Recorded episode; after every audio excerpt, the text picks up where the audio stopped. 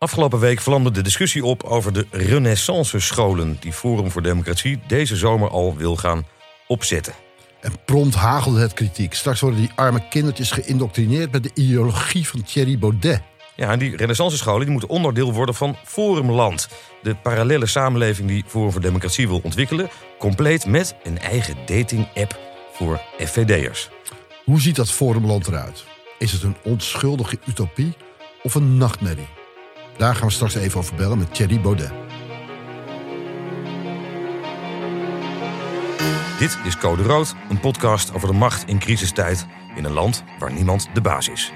Mijn naam is Thijs Broer, politiek redacteur van de talkshow Op 1... en politiek columnist voor Vrij Nederland. En mijn naam is Peter K., ook politiek redacteur van Op 1... en politiek commentator van het Nieuwsbv op Radio 1.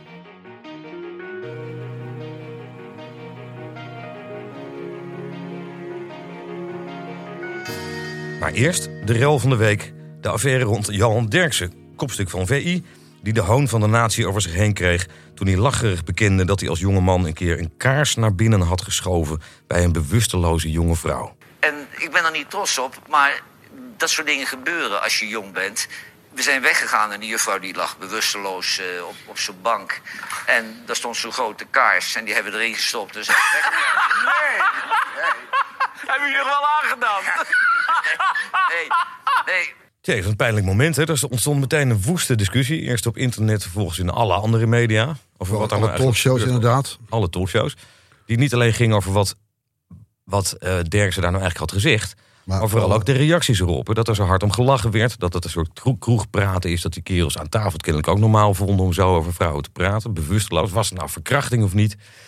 Eh, zo ontspon die discussie zich. En gelukkig stond er geen honkbalknuppel. Al Ja. dus schijp. Maar wat ons opviel was dat de politici ook nauwelijks durfden te, te, te, reageren. Ja, alleen Gert-Jan Segers, hè, die, eh, die zet op Twitter... het lachen om de Johan Derksen is me even vergaan. Eh, bekend op tv een vorm van verkrachting. Vergoel ik dat, want jaren 60 en 70, bizar dit. Ja, en onze minister van Justitie, Dylan Jeziligus. Je kent hem nog wel van het laatste bezoekje dat we er laatst brachten. Heel actief op Twitter. Ja, Maar nu komen ze pas een dag later met een reactie. ja nou, dat, dat het OM had besloten om de kwestie te onderzoeken. Wat zei ze nou? wat zei ze nou? seksueel, Seksueel- geweld is niet iets om lollig, Lollig over te doen, precies. Zeker niet als rolmodel op tv. Ja, terwijl ze zich, ze liet hij zich altijd wel heel erg uitgelaten over deze eh, onderwerpen. Ook al sissen die jongeren in Amsterdam naar vrouwen. Ja, dat is waar. Ja. Dus het is wel echt een onderwerp dat bij haar past. Ja, en zelfs als minister komt ze nog regelmatig eh, persoonlijk uit de hoek via Twitter. Want de meesten doen dat allemaal heel braaf. En zij komt er. eh, Ja. Maar nu kwam, reageerde ze dus pas vrij laat nadat de OM een onderzoek had ingesteld. Ja, gisteren kwam ook staatssecretaris Oesloe eindelijk met een Ja, reactie. die is verantwoordelijk voor emancipatie, hè, dat soort zaken. Ja, en, vooral voor media ook. En dus Ja. ook voor dat grensoverschrijdend gedrag bij The Voice. Ja. Ehm, waar ze ook in overleg over is met Talpa, met RTL, met de NPO. Dus ze praat, heeft veel contact met ze. En zij had overleg gehad met Mariette Hamer. ja, de regeringscommissaris die zich bezighoudt met het grensoverschrijdend gedrag en het terugdringen daarvan. Ja, en ze schreef wat er in het programma besproken is... blijft kwetsend en, kwetsend en vernederend... voor iedereen die te maken heeft gehad met seksueel geweld... en voor hun naasten. Ehm, ze zegt ook dat ze er nog wel over op terug gaat komen... en verder over gaat praten met Talpa. Ja. Maar goed, die- contacten heeft ze geregeld. Ehm, en wat haar betreft is het laatste woord hier natuurlijk niet over gezegd. Nee. Maar Maar, nou ja, het eerste woord bleef wel lang uit. nou, precies. Nee, dat vond ik eigenlijk ook. En in de politiek bleef een paar dagen oorverdovend stil. Behalve Segers dus en eh, later deze twee. Ehm, niet alleen aan de... Ik heb er nog even een columnje over geschreven van de week. Eh, Echt waar? Ja, echt waar. Ja, heb je nog niet gelezen, hè? Zeker. nee, nog niet aan toegekomen. Nee, nee, nee, Bij Nederland zeker. Ja, druk, druk, druk. Ja, Vrij Nederland. Gratis online. Vandaag. Hey, wat mij opviel is dat niet alleen aan de linkerkant van het politieke sp- spectrum het stil bleef. Dat vond ik echt heel eigenaardig eigenlijk. Hè? Dat je, eh, je hebt natuurlijk allerlei mediawoordvoerders en, en, eh, en een heleboel vrouwen die zich met emancipatiezaken bezighouden. Die zich die misschien persoon- persoonlijk door geraakt voelen. Ja, je zou verwachten een massale ophef, een massaal verzet. Dat lijkt me ook, wat in de hele samenleving het geval was. En de politiek hield dus zijn mond. Waarom ze aan de linkerkant stil bleven, dat is een beetje gissen. Ik had zelf de indruk dat het misschien aan zou kunnen liggen... dat ze daar toch een beetje bang zijn voor, laten we zeggen... de volkse achterban van Johan Derksen... die je dan onmiddellijk over je heen krijgt... zodra je ook maar iets kritisch over hem durft te zeggen. Zou het niet veel simpeler kunnen zijn en dat het gewoon reces is en dat ze allemaal op de camping zitten in uh, Friesland of op de Schelling, op de Ja, dat zou camping. kunnen. Ja, maar politici kennen dus. En ze zijn er ook als de kippen bij natuurlijk om nog via Twitter nog even van zich te laten horen vanaf de camping. Als ze er garen bij kunnen spinnen en mee kunnen surfen op de golf van het publieke sentiment. Ja, Hoe dan ook, want, eh, dat gebeurde daar dus niet. Maar wat ik eigenlijk nog veel gekker vond, is dat aan de rechterkant van het politieke spectrum het helemaal oorverdovend stil bleef. Terwijl je toch zou verwachten dat mensen als, ja, laten we zeggen, Harmen Beertema en, eh, en andere, andere lui van de PVV bijvoorbeeld, Richard de Mos, eh, dat soort mensen, dat die zouden zeggen, ja, laat die, laat die, arme, laat die arme Johan Derksen toch met rust. Weet je, die, die man is nu het, is het slachtoffer van de woke cultuur en je mag ook helemaal niks meer zeggen in maar dit ook land. dat werd niet vernomen. Nee, helemaal doodstil was het. Ehm, en, eh, terwijl mensen als eh, Robert Jensen en Erik de Vlieger... die toch meestal in de hoogste boom klimmen... zodra de woke-cultuur in het, eh, in, het, in het geding komt...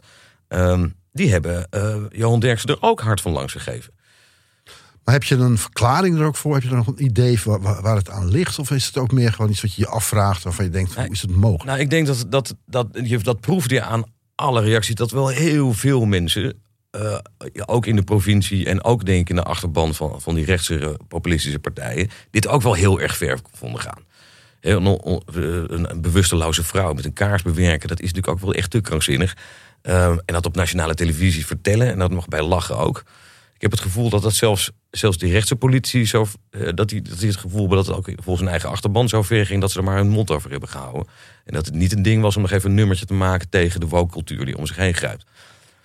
Ik hoorde dat achter de hand hoor je dat mensen natuurlijk wel een beetje zeggen. Gisteravond sprak ik uh, Wiert Duk, bijvoorbeeld na de uitzending van Op 1. Die ook zei, ja, dit is, deze man is weer typisch weer het slachtoffer geworden van die woke-cultuur in Nederland die om zich heen grijpt. Hij werd ook, eh, Ik zag hem op Twitter ook weer over... over ja, toen, ja, dat zegt hij ook in de openbaarheid. En dat krijgt, ik vond het op zich wel weer dapper. Want uh, Wiert krijgt dan natuurlijk weer stapels boze mensen over zich heen. Die durft dat allemaal wel te zeggen. Maar hij is natuurlijk een van de weinigen die daar stellingen durft te nemen. In dit geval overigens kan je afvragen... dit is niet, misschien niet het meest gelukkige voorbeeld. Maar dat ging ook wel heel ver wat Johan Derksen gedaan heeft. Ja, het is een bizar verhaal en het is eh, totaal ongevoelig ben je voor de, voor de maatschappelijke eh, stand van zaken op dit moment. En Ja. voor eh, ja, wat we daar verder over denken over grensoverschrijdend gedrag. Om dan met zo'n voorbeeld aan te komen is gewoon... En het was, en het was een, ook nog een soort onbeholpen poging om juist uit te leggen dat hij zich voor- schaamde voor wat hij een jeugdzonde noemde. Waarmee hij de kijkers totaal op het verkeerde been zette vanaf het begin. Met uiteindelijk tot gevolg dat hij, dat hij zijn programma nu kwijt is. Hij is er zelf uitgestapt gisteravond. En, en nog te horen heeft gekregen van alle theaters in het land waar hij met zijn, zijn tourneetje bezig is al jaren. Wat hij voor niks schijnt te doen. En dat hij daar ook uitgeflikkerd Ja, is. het bl- het blijft gewoon wel heel spannend of dat programma gewoon vanavond wordt uitgezonden. Want je weet het maar nooit met Derksen en zijn companen. Zo is het. Maar eerst nog even ander nieuws. Daar is hij weer. Siewert van Linden. Ja, Siewert is gisteren op last van de rechter en op verzoek van het OM geschorst als bestuurslid van zijn eigen stichting. En het OM verklaart dat hij de stichting gebruikt heeft voor zijn commerciële activiteiten en zich dus geld van de stichting heeft toegeëigend. Ja, keiharde fraude dus. Ja, hoe gaat het aflopen? Moet hij terugbetalen? Wordt het een gevangenisstraf? Het wordt nu wel echt spannend. Hè? Het wordt nu, ja, eh, wij weten dat hij zich omringde met, eh, met de beste juristen van het land, ongeveer. Ja, daar hebben we zelf ook last van gehad. Bij het eh, voorbereiden van ons boek. En hoe overtuigd hij was dat hij, dat hij eigenlijk juridisch niet laakbaar had gehandeld. Ja. Maar nu begint het toch wel. Nou, ik heb zelf ook een, te hele, het, het gevoel gehad dat hij zich misschien niet echt aan fraude had schuldig gemaakt. Maar dat hij dat het vooral moreel niet in de haak was wat hij heeft gedaan. Door zijn mond te houden over die commerciële activiteiten. Maar wat nu dus blijkt, is dat OM heeft een sterke aanwijzing. Anders zou het nooit in het openbaar zo brengen tijdens het onderzoek. Dat hij gewoon heel bewust en systematisch eh, die stichting heeft gebruikt om zich geld toe te eigenen. In die woorden werd het eh, door het OM gisteren op televisie gebracht. Ja, op zich is dat toch wel nog wel een prettige gedachte dat erop lijkt dat er toch bewijs is dat, het, dat die juridische zaken verkeerd heeft aangepakt. En dat er misschien toch nog wat geld terug te halen valt. Of Nou ja, enige strafvervolging. Nou, dat ziet er wel, ja, het ziet er wel naar uit dat het OM erop uit is om dat geld in ieder geval, in ieder geval terug te halen bij hem. Eh, en fraude, grootschalige fraude, met zo'n enorm bedrag. Daar staat gewoon gevangenisstraf op in Nederland. Dat koop je niet zomaar even af. Nee. Spannende dagen voor onze Siewert. Naar Forumland. Afgelopen week publiceerde NRC een stuk over de renaissance scholen die Forum voor Democratie deze zomer al wil oprichten. Meteen hagelde het kritiek, zoals we al zeiden. Straks worden die arme forumkindjes gehersenspoeld. Met de ideeën van Thierry Baudet. Thijs, eh, hoe zit het eigenlijk? Nou, ik heb er afgelopen week over gesproken met Ralf Dekker. Oud bankier bij de Rabobank. Uh, hij is voorzitter van het Renaissance Instituut. Van de, de denktank van, van Forum Democratie. En zit ook in de, in de Staten namens Forum in Noord-Holland. En hij is initiatiefnemer van deze scholen. En die had er veel mildere verhalen over te vertellen, bleek dan wat er in de media van gemaakt is. Hij zei dat is natuurlijk weer framing. Dat vinden ze bij Forum voor Democratie altijd. Maar het, waren geen, het zijn geen scholen op politieke grondslag. Het is niet gevaarlijk. Nou, hij zei juist niet. De bedoeling is om ze weer kinderen weer traditioneel uh, leren lezen en schrijven. En dan zouden die scholen verder gebaseerd zijn op het oude idee van de vrije school. Dat wringt ook weer een beetje met elkaar overigens. Want de vrije school was nou juist niet gericht op het op traditionele, klassikale stampwerk. En discipline. Dus daar moeten ze nog even over En nadenken. discipline. En discipline, ja. Toch? Ja, precies. eh, Ja. voorwaarde Ja, exact. Dus ik ben heel benieuwd of ze dat gaan vormgeven. Maar dat is een serieuze zaak en ze zijn er echt mee bezig. Ze zijn nog leraar aan het werven en ze willen daar eh, de komende weken en maanden schouders onder zitten. Zodat na de zomer de eerste scholen er al zullen zijn. Ja, kan ook vrij makkelijk hè, in Nederland, dat begreep ik ook. Als je een, een schooltje met een B3-status, dan kan je eigenlijk al oprichten als je... eh, eh, als je met een paar, eh, als een paar ouders die zelf een lesbevoegdheid hebben, bij elkaar gaan zitten en besluiten vanaf nu geven we onze kindjes les. Dan kan je een paar weken later al toestemming krijgen van de inspectie en dan kan je aan de slag. Maar goed, ambities zijn groter, ze willen grotere scholen voor basisschoolleerlingen. En die zouden dan de komende paar jaar echt serieus gestalte moeten krijgen. Nou ja, die renaissance scholen zijn een onderdeel van Forumland. Dat is eigenlijk de parallele samenleving die Forum wil gaan vormgeven. Ja, afgelopen jaar kwamen er steeds meer verhalen naar buiten over die plannetjes. Ehm, waar Thierry Baudet met zijn getrouwen mee bezig is. Ooit moet Forumland een plek krijgen in de fysieke wereld. Ja. Misschien maar zelfs met een cryptomunt en eigen wetten. Maar vooralsnog is het een virtueel land. Hè, met wat, ja, wat, wat hebben ze allemaal bedacht? Ja, eigen boeking geloof ik toch? Ja, voor vakantiehuisjes, boreale van vakantiehuisjes. kappers, eigen marktplaats, mooie klassieke auto's aan elkaar Het is verkopen. alleen maar klassieke auto's natuurlijk. Hè? Ja, en die dating app. Oude Saabs en oude Jaguars. Forum dating app. Dating app waar je gelijkgestemde mensen kan Kun je lekker ontmoeten. met Pepijn van Houwelingen gaan daten. of hoe heet die andere jongen? Thierry Baudet zelf. Oh nee, die is getrouwd. De- ja, maar de eerste fysieke verschijningsvorm eh, van het forumland...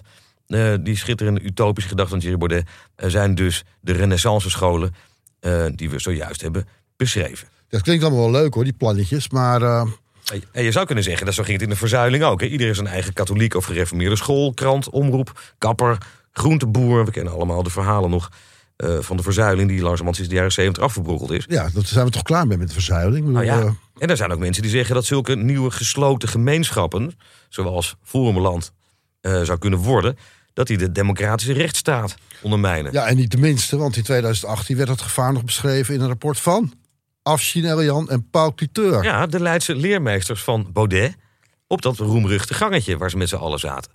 Ja, en wat dachten die ervan?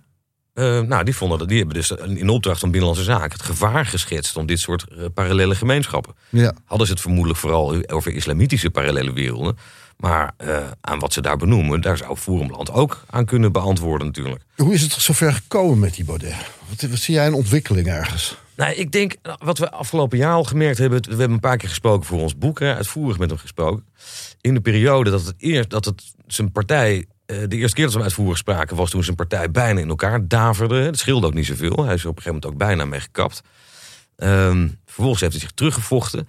Ehm, wat hij toen vertelde is dat hij zich steeds meer onbegrepen voelde in Nederland. Niet alleen door de elite, maar ook door de media... eh, die al heel framen als een rare extremist... en door het grootste deel van de bevolking... dat uiteindelijk toch nog steeds niks van zijn ideeën moet hebben.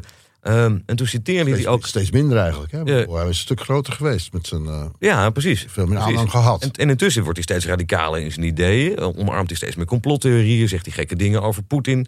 Die eh, mild zou optreden, zelfs in, in Oekraïne in die, in die eerste weken van het, van het conflict. Ja, hij wordt eigenlijk gezien als een soort idioot. En in de, in Nou ja, hij komt- de gevestigde media komt hij er ook niet meer aan te Nee, maar zijn levensgevoel toen, dat, dat probeerde hij te schetsen. Wat hij ook gedaan heeft op die beruchte bijeenkomst. Ehm, waar het bijna uit de klauwen liep met zijn, eh, met zijn toen nieuwe partijgenoten Joost Eertmans en Annabel Nanninga en zo. Eh, daar heeft hij toen het beroemde gericht van Rielke, eh Rainer Maria Rielke, geciteerd. Zijn blik is vom Vorübergehen der Stabe zo müd geworden, dat er niet meer hält. Nou, dat, die, dat gedicht heeft hij daar aan tafel eh, geciteerd uit zijn hoofd. Ik vind dat jij prachtig Duits spreekt, Thijs. Zou je nog een, nog een nog een paar zinnen kunnen citeren? Want een paar zinnen? is Muziek in mijn oren. Im ist, als ob es tausend Stäbe gäbe und hinter tausend Stäbe keine Welt. Ach, prachtige taal is dat toch? Tenminste, als prachtig. jij hem spreekt. Het is een prachtige taal. De andere cultuurbarbaren aan tafel, zoals Jood Eertmans, Eerstmans en zo... die wisten het niet beter door te vertellen dan... nee, hij ver- ver- vergeleek zichzelf met een gekooide leeuw. Nee, het was der Panther. Nou, ook daar dus voelde eh, Thierry Baudet zich weer niet begrepen... dus Nee, die maar het is ook partijgenoot en de rest zo van de wereld. gek, want hij omarmt complottheorieën. Hij vlucht in een virtuele wereld. Eh, nou, vorig jaar hebben we dus een paar keer gesproken. En toen, ja, als je hem dan aanspreekt op die complottheorieën... dan, eh, dan wordt hij boos en dan heb je er zelf geen bal van begrepen. Je, je, je- jij zelf leeft in een parallele wereld. Hij doorgrondt wel wat er aan de hand Ja, dat is waar. Wij begrijpen het allemaal niet. Ja, Ja, en het effect is dus dat hij steeds meer wordt buitengesloten door de media. Ik bedoel, in de eerste, eerste jaren van zijn aufstieg zur Macht... om maar het Duits te, bij het Duits te blijven. verder Duits doen, deze podcast? Dat is Ja, precies. geweldig. Ja, precies. Nou, Ja. tra- de traditionele media die, is- die dus ooit zich verdrongen om hem een podium te geven. Direct in debat met Mark Rutte, dat nog mede door jou was georganiseerd. Ehm, daarvan zeiden sommige mensen toen al schandelijk dat we die gast een podium geven. Schande. Schande, schande. Schande. Inmiddels is er geen serieus medium meer dat hem überhaupt nog aan tafel wil hebben. Ja, nou, er, zit ook wel, er is ook wel een reden voor. Dat is dat, eh, dat mensen voortdurend bang zijn om. eh, het, voor alle onwaarheden die hij kan verkondigen tijdens een betoog. En dat als je de feiten gaat checken, dat het heel vaak niet klopt. Maar eh, de gedachte om iemand dan helemaal uit de media te weren, ja, dat voelt toch niet Nee, altijd even prettig. Nee, dat deugt ook niet. Dat deugt ook niet. Ik, vind, ik ben er zelf ook echt van overtuigd dat je in de journalistiek altijd bereid moet zijn het gesprek aan te gaan. Hoe, eh hoezeer je het ook oneens bent met de ideeën die mensen verkondigen. Ja, en daarom is, denken wij toch dat het interessant is om een poging te doen om een gesprek te voeren met Thierry Baudet en hem eens eventjes uitgebreid te gaan bellen. Even bellen met Thierry Baudet.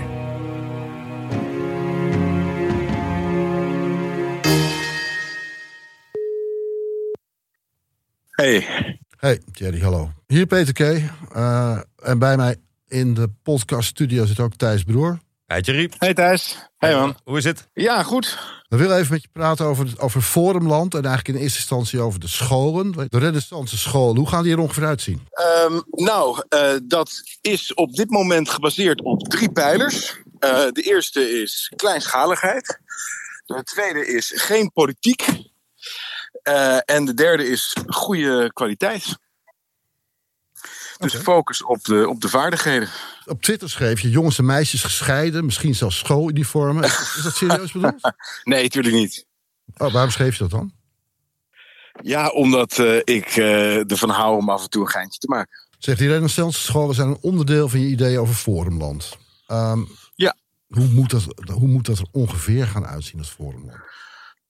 Nou, het is natuurlijk een metafoor, hè, want het is geen letterlijk land. Het, wij, wonen gewoon in Nederland. Maar ehm, het, het idee is dat eh, je behalve via de politiek dingen proberen te veranderen voor iedereen, je ook in Nederland natuurlijk ontzettend veel zelf kan doen, opbouwen.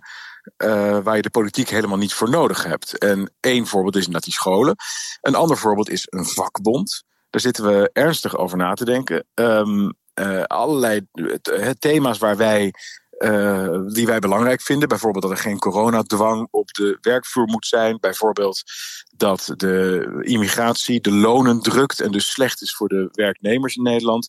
Bijvoorbeeld dat de klimaatplannen de, energierekening onbetaalbaar maken en dus ons economisch klimaat heel erg verslechteren. Al dat soort belangen worden nu niet nauwelijks vertegenwoordigd door de gevestigde vakbewegingen. Dus dat is iets moois om op te zetten. Nou, daarnaast woningcorporaties, dat is ook iets waar we over nadenken. Wij zijn het fundamenteel oneens met de bouwstijl, de moderne bouwstijl. Nou ja, dan kun je dus in de politiek moties indienen en dat soort zaken. Maar je kan ook gewoon zelf een aantal investeerders bij elkaar proberen te krijgen. En ouderwetse huizen gaan bouwen. Kijken wat er gebeurt. Nou, dat zijn al drie ideeën. En we hebben nog wel meer, maar Ja, we hebben nog meer voorbeelden gezien. Eigen kappers, eigen dating app, eigen boeking voor huisjes. Eigen cryptomunt, eigen wetten zelfs. Nou ja, wetten, dat is natuurlijk binnen. Wij houden ons gewoon aan de regels die in Nederland gelden enzovoort. Hè. Dus, dus wetten binnen, binnen het kader van wat eh, eh, binnen het wettelijk kader in Nederland bestaat. Maar je, je kunt natuurlijk wel je eigen community-richtlijnen hebben, zoals we weten van de social media enzovoort. Nou ja, goed, je hebt ook gezegd, dat, je zei, ik ben eigenlijk separatist. Geef ons Groningen. Ja, ja, nou ja, oké, okay, tuurlijk. Wij wel. Nee, maar dat is, dat is uh, niet nu op korte termijn een, een realistisch idee. Hè? Dus, dus Forumland voorlopig is gewoon een metafoor. Is een, is een manier om te zeggen, wij gaan onze eigen community bouwen. Maar als, het, als, het, als de mogelijkheid zich zou aandienen om. Ik heb vaak gezegd dat Theodor Herzl is mijn held. Hè? De, de grondlegger van Zionisme, een van de geestelijke vaders van de huidige staat Israël. Uh, dat is natuurlijk een, een, fantastisch voorbeeld geweest. Een groep mensen die, die merkten dat ze er niet bij hoorden in het toenmalige Europa. Dat ze uitgesloten werden en dat ze eigenlijk op een andere manier wilden leven. En die hebben gezegd: Weet je wat wij gaan doen? We gaan kijken of we zelf een nieuw land kunnen stichten. Ja, maar... En als dat ooit zich zal voordoen, zou ik dat toejuichen. Nou ja, maar dat is wel in tegenspraak met de nationalistische ideeën die je altijd hebt gehad. Dat is, dat, dat ja. ben je groot geworden, dus dat, dan wringt er toch iets? Ja, nou, dat is een ontwikkeling in mijn denken, inderdaad. Dus je bent geen nationalist meer, maar je bent een separatist? Nou, die twee hoeven niet per se uh, elkaar uit te sluiten. Maar het is, het is, ik zou zeggen, het is een ontwikkeling. Ik heb een ander idee van Nederland. ik denk een veel groter idee van Nederland. Dus in die zin uh, absoluut een nationalist. Ik ben ook een nationalist in de zin dat ik voorstander ben van soevereine nationale staten. Maar op het moment dat je ontdekt dat je binnen het land waar we nu in leven een, uh, een, een minderheid bent. En gewoon, ja, het, overgrote deel van de mensen blijkbaar, blijkens hun stemgedrag enzovoort, willen doorgaan met coronaregels, immigratie, klimaatplannen, Europese eenmaking, noem het dan maar op. Ja, dan moet je op een gegeven moment toch uh, gaan denken: oké, wat kunnen we dan doen? Maar goed, dat, is, dat verhoudt zich raar tot, het, uh, tot democratie. Het begrip democratie, daar heeft in principe de meerderheid het voor zeggen, toch? Ja, um, maar binnen een democratie kan je ook uh, heel veel vrijheid geven aan minderheden. Ja. Dus een democratie hoeft geen dictatuur te zijn of een, of een totalitaire staat. Dus nee, dat, maar dat... als de minderheid zegt, nou, de meerderheid begrijpt mij niet en ik scheid mij af, dan heb je, krijg je wel wat nieuws. Dan is het, dat, is een, ja, dat is toch antidemocratisch, zou ik zeggen.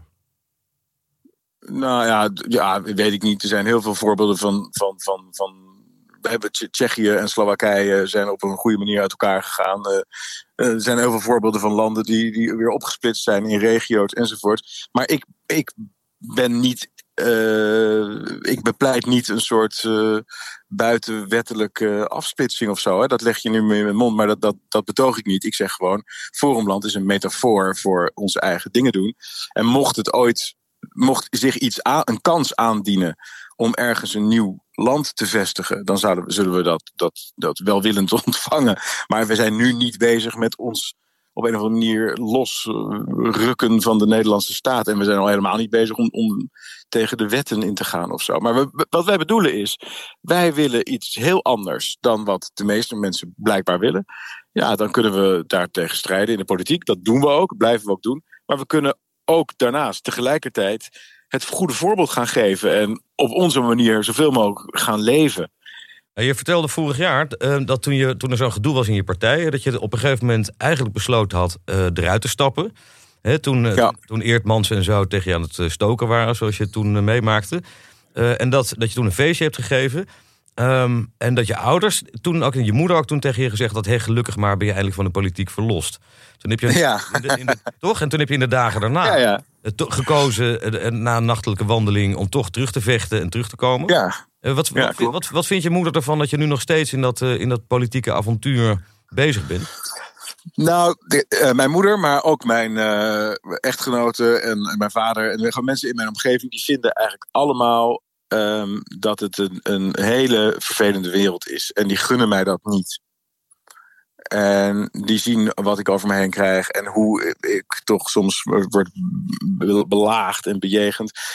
Um, maar ze snappen wel waarom ik dit uh, doe. En, dat, en ze geloven ook dat mijn overtuigingen oprecht zijn. En ik schrijf daar natuurlijk ook over. En ik ben op alle manieren mee bezig. Dus het is een, denk ik, een, een ambivalent gevoel. Aan de ene kant bewondering en steun voor wat ik aan het doen ben. Aan de andere kant, ja, uh, je zou mensen, iemand die, die lief is, toch een wat anders soort bestaan toewensen. Denk ik. Ja, maar kijk, je, je, je maakt nu zelf je wel, eh, je zet jezelf echt in een slachtofferrol. Terwijl je net zo hard provoceert natuurlijk. Ik bedoel, uh, iedereen die met Oekraïne bezig was in Nederland was een idioot. Biden is een seniele, dement idioot. Ja, nou, dat klopt wel. nou, zo ga je maar door. Je zet iedereen weg eigenlijk in Nederland. Dan is het toch niet zo vreemd dat je er ook een enorme reactie op krijgt. ja, ik ehm, ik weet niet of ik mezelf wegzet als slachtoffer of dat ik aan het klagen ben. Nou, dat deed je nu net een beetje door te zeggen dat, dat je mm. omgeving medelijden met je hebt, dat je het over je heen moet krijgen. Dat je steeds wordt weggezet als een, nou, als een gekkie eigenlijk. En uh, terwijl je zelf, dat roep je ook wel over jezelf af. Ja, maar, uh, weet ik niet.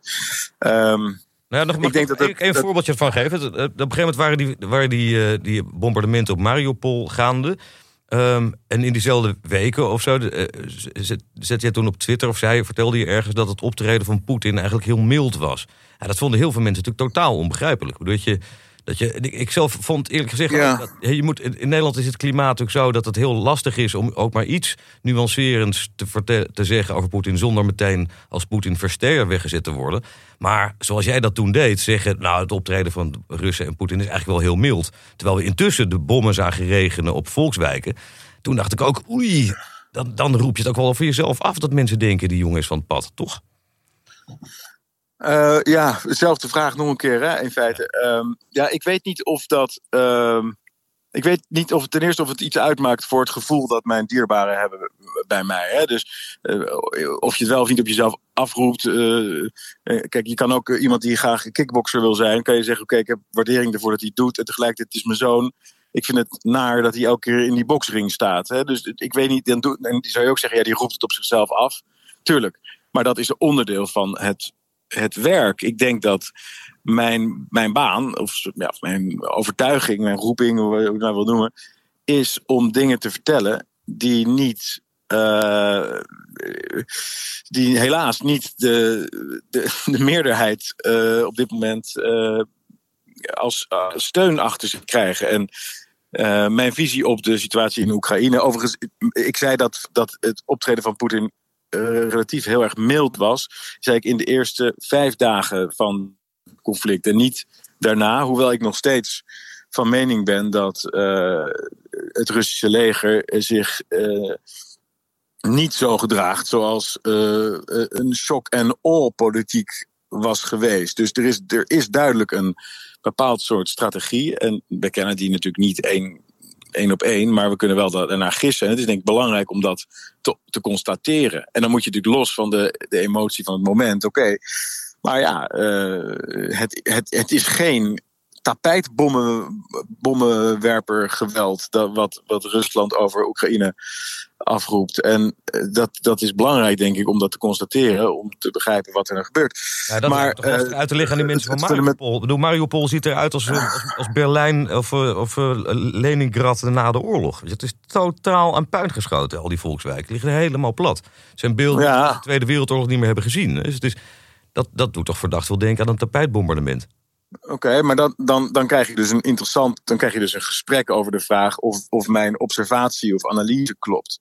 En het kan dat die, dat die niet klopte. Dat kan. Tuurlijk. Maar dat, het is niet dat, dat, een, dat ik daarmee een, een immoreel mens ben of dat ik, een, uh, een, dat ik het slecht voor heb met de mensen in Mariupol of waar dan ook in Oekraïne. Ik probeer gewoon te observeren wat gebeurt hier. Is dit een all-out war? Of is dit een beheerste op militaire operatie? Dat is een, een, een analyse die ik probeer te maken van de situatie. En misschien heb ik het fout, hè? dat kan. Ik sta helemaal open voor misschien heb ik de verkeerde bronnen. Of misschien uh, uh, kan Rusland niet meer bombarderen dan ze nu doen. Geven ze het absolute maximum aan bombardementen. Het zou allemaal kunnen. Dat, dat is een open discussie. Maar, maar je merkt gewoon dat de, de huidige situatie. en misschien is het altijd wel zo geweest hoor in Nederland. En Misschien wel elders ook. Maar er is heel weinig marge. Hè? De marges zijn heel smal. En het, het wordt, alles wordt meteen in het morele getrokken. Dus als je een andere analyse hebt van corona, dan ben je een ontkenner. Dan ben je een, een, een wappie. Als je een andere visie hebt op immigratie, dan ben je een xenofoob en een racist. Als je andere visie hebt op wat er gebeurt in Oekraïne, dan ben je een Rusland-lover en een weet ik veel wat, een fascist en zo. Het is allemaal meteen label en framing. En dat maakt het gewoon, dat, ja, dat maakt het heel moeilijk om, uh, om vernieuwing te hebben in een samenleving. Maar jij zegt net, jij zegt net eigenlijk uh, ik, dat je eigenlijk bewust kiest vaak voor een tegengeluid. Ik bedoel, dat past een beetje. Nee, nee, nee. Nee, dat is niet. Nou, ik doe niet. Ik kies niet voor. Alsof, ja, maar dat is niet wat ik bedoel. Ik bedoel niet dat ik. Alsof nee, maar dat is niet zo. visie is. Oké. Okay, ja, nee, maar dat is dus niet zo. Ik, ik heb gewoon een hele andere visie op de wereld dan de visie die nu doorgang vindt in alle westerse landen. En dat geldt over de hele linie van uh, nou ja, waar we over begonnen, de onderwijscultuur, tot uh, architectuur, tot immigratie, tot klimaat, tot de buitenlandse betrekkingen, tot de visie op het verleden, uh, en, enzovoort. Alles eigenlijk ben ik van mening dat we de verkeerde kant op bewegen. En ja, daarom ben ik partij begonnen. Ik heb erover geschreven. Uh, en nu wil ik dat aanvullen met een maatschappelijke beweging. Ja, maar heel even dan terug. Die, toen je die partij begon, sloeg dat enorm aan. Omdat je een aantal punten aanroerde die best wel uh, iets raakten in de politiek. Bijvoorbeeld de kartelpolitiek. Nou, dat konden mensen goed begrijpen. Je haalt op een gegeven moment ongeveer uh, 23, 24 zetels omgerekend naar de Tweede Kamer. Ja. en daarna ben je eigenlijk alleen maar verder gaan provoceren en ophef veroorzaken. En eigenlijk van die ideeën afgedwaald naar een plek waar heel weinig mensen je nog maar kunnen volgen. En dus je, je macht ook veel minder wordt. En invloed. Ja, dat is dus een bewijs van mijn integriteit. Dat je het niet om doet om de macht, maar door, om je visie. Ja. En dat je mensen, dat je echt een ander geluid wil laten horen in Nederland. Um, nou, ik wil mijn eigen geluid laten horen. En dat dat, dat een ander geluid is, dat constateer ik. Uh, maar ik vertel waar ik in geloof. En, en ik vertel niet wat, waarvan ik denk. Eh, dat, wat, dat is nu een beetje de suggestie die ik toch de regels door nog een keer hoor. Alsof het mij erom gaat om af te wijken van de norm. Maar dat is absoluut niet het geval. Ja, en dat, maar goed. En wat dan... Ik zou het liefst leven in een, in een situatie waarin, waarin het, veel, het land veel meer bestuurd werd op een manier waarop ik dat kan ondersteunen. Maar zou je niet veel meer invloed hebben als je toch dichter iets normaler om zou gaan met de mensen die dan op die positie nu wel zitten en niet voortdurend provocatie of zelfs daaroverheen gaat? Want nee, ik geloof daar niet zo. Je gaat er zelf met gestrekt been in.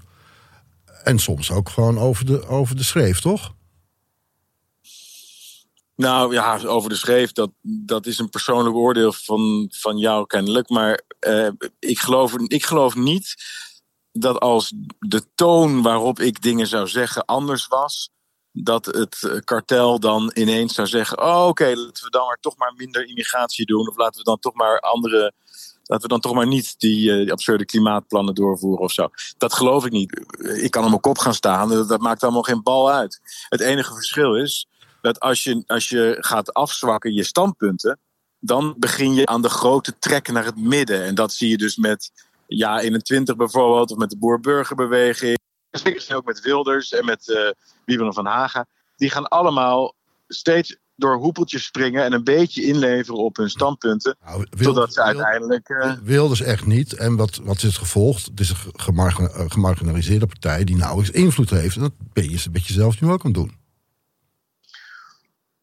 Uh, nou, nee, ja, nogal ik geloof dat niet. Ik geloof niet dat in dat idee dat als je dan maar een beetje water bij de wijn doet, dat je dan de VVD naar rechts kan trekken of zo. Ik geloof er helemaal niet in. En waar gaat, het, waar gaat het toe leiden? Weet je, het is overduidelijk dat je zelf ook wel weerzin voelt tegen het politieke bedrijf. Hè, eigenlijk al jaren in het toenemende mate. Dat je het mooi vindt om nu een maatschappelijke beweging op te zetten. Dat het ook energie geeft. Een positief signaal misschien aan de mensen dat jullie op dat andere dingen staan zijn alleen maar kritiek. Um, wat is jouw ambitie? Is het, wil je door met Forum als politieke partij? Of stop je je beste energie nu in een maatschappelijke beweging... en stap je op een gegeven moment uit de politiek... om je daar volledig aan te gaan wijden? Nou, ik zie het heel erg als en-en. Kijk, de Tweede Kamer is een, een, een platform... waar je uh, maatschappelijk geluid kan laten horen. En dat is denk ik belangrijk, want in de media is het niet te horen of nauwelijks te horen. Eh, in het, ah, lekker een glaasje water. Ja. In het bedrijfsleven is het eh, in, in, in de universiteit. Het is nergens te horen. Dus het is een heel belangrijk platform. Nou ja, Eh, in de maar- media, in de ja, media heb je inmiddels ook je eigen platform. Met ON. Ja, precies. Dus dan, dat is dan het punt twee, de beweging. Daar hoort natuurlijk ook een mediakanaal bij. Daar hoort op een gegeven moment ook een universiteit bij. Daar hoort ook bedrijvigheid bij. Dat is een manier om gestalte te geven aan die andere ideeën die wij hebben. En om eh, ook te kunnen blijven leven op de manier waarop ik dat zou willen. En waarop wij dat zouden willen. De, de mensen die ik vertegenwoordig. Dus ik zie het niet als eh, tegenstrijdigheden of tegengestelde dingen. Ik zie het als in het verlengde liggen van elkaar. Oké. En die tribunalen voor mensen die het niet met je eens zijn, kunnen we daar nu afscheid van nemen? Kun je zeggen van oké, dat woord we niet meer gebruiken. Dat was ook flauwekul. Nou, eh, kijk, in de huidige constellatie is het natuurlijk eh, overduidelijk een hyperbool. Eh, dus een stijlfiguur. Maar ehm, het punt dat Pepijn wil maken daarmee, dat is natuurlijk wel heel serieus. In onze ogen is er de afgelopen twee jaar een misdaad gepleegd tegen de bevolkingen in onze landen van ongeveer niet eerder vertoonde proporties. En de rechtsorde is daarmee dus diep geschokt. En dat je daar een soort waarheids- en verzoeningscommissie of een, een, een parlementaire enquête plus of een, een manier voor verzint om toch de waar. Wat is hier nou gebeurd? Hoe is het mogelijk geweest dat we mensen hebben opgesloten, dat we kinderen met die staven in hun neus enzovoort, enzovoort Ja, maar Thierry, dat Thierry, dat op een manier die naar voren wordt die gebracht. Dat is parlementaire wel. enquête komt er. Dat is, al, dat is al afgesproken. Eh, ik vind een heel, toch een heel verschil of een tribunaal komen of een parlementaire enquête. Dus wat je wil gebeurt al. Ja, ja, nou, ik heb dus al, eh, ik heb al ehm, het in de context geplaatst. Dus het, het- zeker het woord in, in, deze, in de huidige eh, rechtsorde is een hyperbool. Maar eh, De het- huidige de rechtsorde, gedachte- als jij het voor het zeggen hebt, is het geen hyperbool meer, wij zeggen. Nou, ik noem het een waarheid. Ja?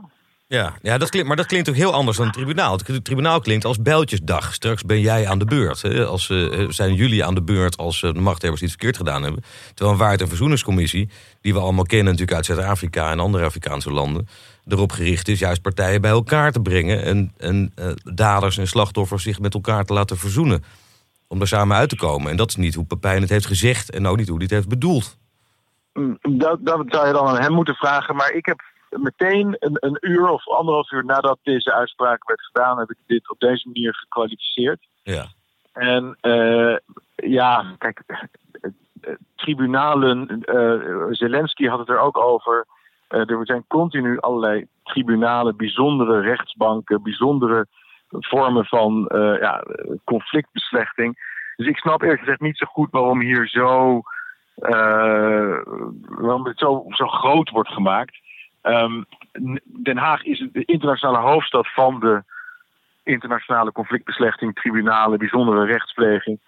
Ja, ik, ik snap niet zo goed het, het, het- de hele eh, hang-up hier mee. Nog, nog één klein dingetje. Eh, Een paar weken geleden hadden we hier in de uitzending Robert Dulmers. eh, die, die goed bevriend met jou is geweest. Je hebt die, misschien die aflevering wel beluisterd nog. Ja, ik heb het geluisterd. Ja. De- goed bevriend vind ik wel heel zwaar aangezet, maar eh, ik, ik heb een aantal keer met hem eh, wat gedronken en eh hapje gegeten en zo. Een romantische vriendschap begrepen wij van Robert. Ja, die was, er, die was er nog steeds helemaal vol van. En liet ook appjes via Ja, de dat vrouw is- met liefje dit en liefje dat. Oké, nou dat moeten we, dat, dat moeten we hem maar gunnen.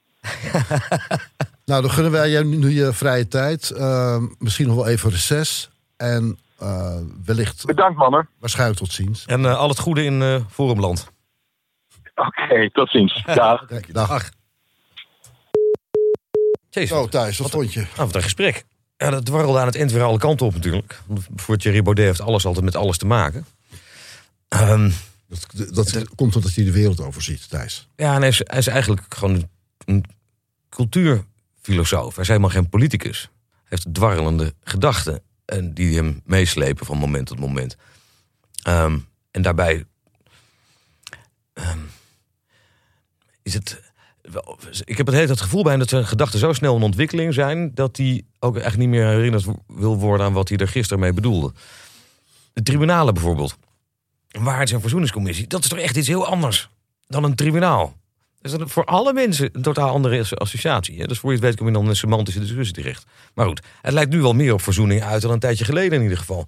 Maar dat hele plan voor Forumland, dat is kennelijk in zijn perceptie niet een soort separatistische beweging om alleen maar om van de rest van de wereld af te komen, maar ook een soort heile welt waar iedereen welkom is en waar de zon gewoon schijnt. Ja, laat je nou niet meteen meevoeren door de heer Baudet. Ik bedoel, het is gewoon... Nee, maar dat is hoe hij het zelf in is- zijn hoofd heeft. Dat is hoe hij het zelf in zijn hoofd heeft. Ja, maar ja, Dat tegelijk... het eigenlijk mooi is om iets opbouwends te doen, niet alleen maar kritiek te hebben. En dan krijg je dus eh, dating apps en, eh, en fijne platformpjes waar je je oude saap kan verhandelen aan gelijkgestemden. Ja, tegelijkertijd blijft hij wel de meest verschrikkelijke dingen zeggen. eh, waar, waar hij maar kan. En zich afzetten tegen de, de, de Nederlandse democratie. En Ja. zich eh, daarboven verheven voelen ook, weet je wel. Dus het, ehm, eh, de gedachte dat het, eh, dat het forumland een mooi droomlandje wordt... dat mag je wel echt uit je, uit je hoofd zetten, hoor. Dat, Nou ja, als het ooit gaat gebeuren. Hè? Ik bedoel, ook wel interessant is dat hij, nog, dat hij dus speelt met de gedachte om net als Theodor Herzl, zijn grote voorbeeld, ook interessant, ehm, ooit misschien wel naar een andere plek op aarde wil vertrekken om naar Forumland te vestigen. Dat is toch een mooie wervende gedachte voor zijn eigen achterban.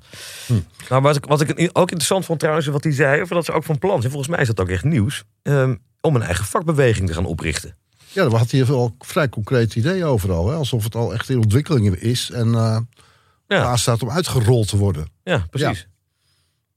Dat wordt nog een hele klus om je in te vechten. En dan ook nog zijn eigen woningcorporatie. Dus eh, zijn parallele universum begint langzaam gestalte te krijgen. Ja, dat geloof ik ook. Zou je er willen wonen in Forumland? Eh, ik laat het even lopen, Thijs. Eh, ik eh, iedereen is welkom, zelfs jij, Oké, ik heb nog, nog redelijk naar mijn zin in ons eigen Amsterdam. Of daaromheen. Gelukkig maar. Dit was Code Rood, een podcast over de macht in crisistijd in een land waar niemand de baas is. Code Rood is een productie van Dag en Nacht Media. Podcastredactie door Tom Aalmoes en Lara de Boer. Edit door Tom Aalmoes. Muziek door Lucas de Gier.